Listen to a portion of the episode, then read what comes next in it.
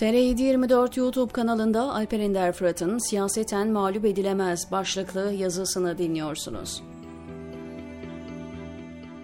Kameraların önünde bir kere daha elini uzattı ve samimi bir şekilde tokalaştı Mısır Devlet Başkanı Sisi ile ve herkes de alkışladı. Tıpkı daha önce en ağır cümleleri kurarken olduğu gibi samimiydi. Zaten ne yapıyorsa samimiyetle yapıyordu hareket ederken nasıl samimi ise elini uzatırken de öyleydi. Nas var, ben iktidarda olduğum sürece faiz artırılamaz derken de birkaç ay sonra faizi yükseltirken de aynı ikna edicilikle politikalarını savunuyordu.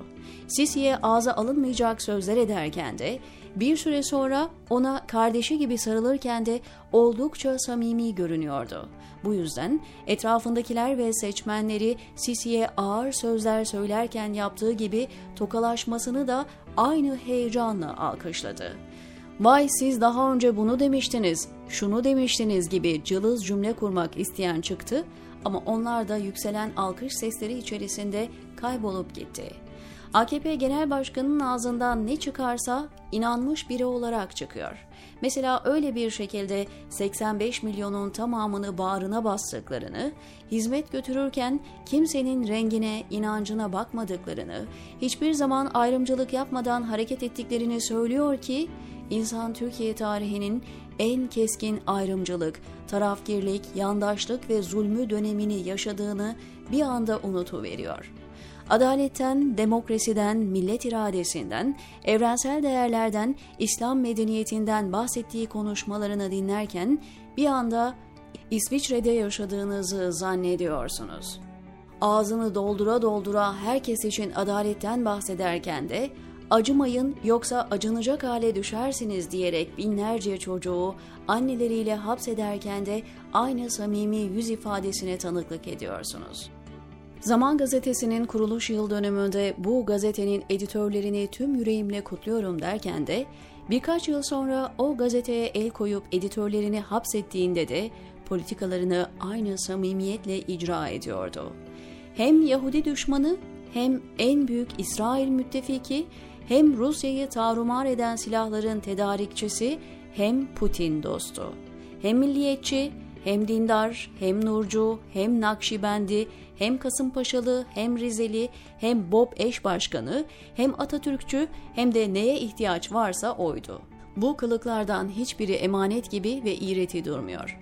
Bir gaz bulutu gibiydi ya da su kütlesi. Tutmaya kalktığınızda bunu asla başaramıyorsunuz. Bir kalıba sokulmaz, ilkelerle, inançlarla ya da bir yasayla sınırlandırılamazdı birbiriyle tamamen ters yüzlerce sözü, politikayı, tavrı dillendirirken, savunurken hepsinde bir kararlılık ve samimiyeti vardı. Samimiyetle kötülük yapabilen, zulmederken en yüce kelimeler kullanabilen, tanımlanamaz biriydi o. Her neyse, bunları zaten biliyorsunuz. Recep Tayyip Erdoğan sayesinde samimiyetin her zaman iyi bir şey olmadığını da gördük.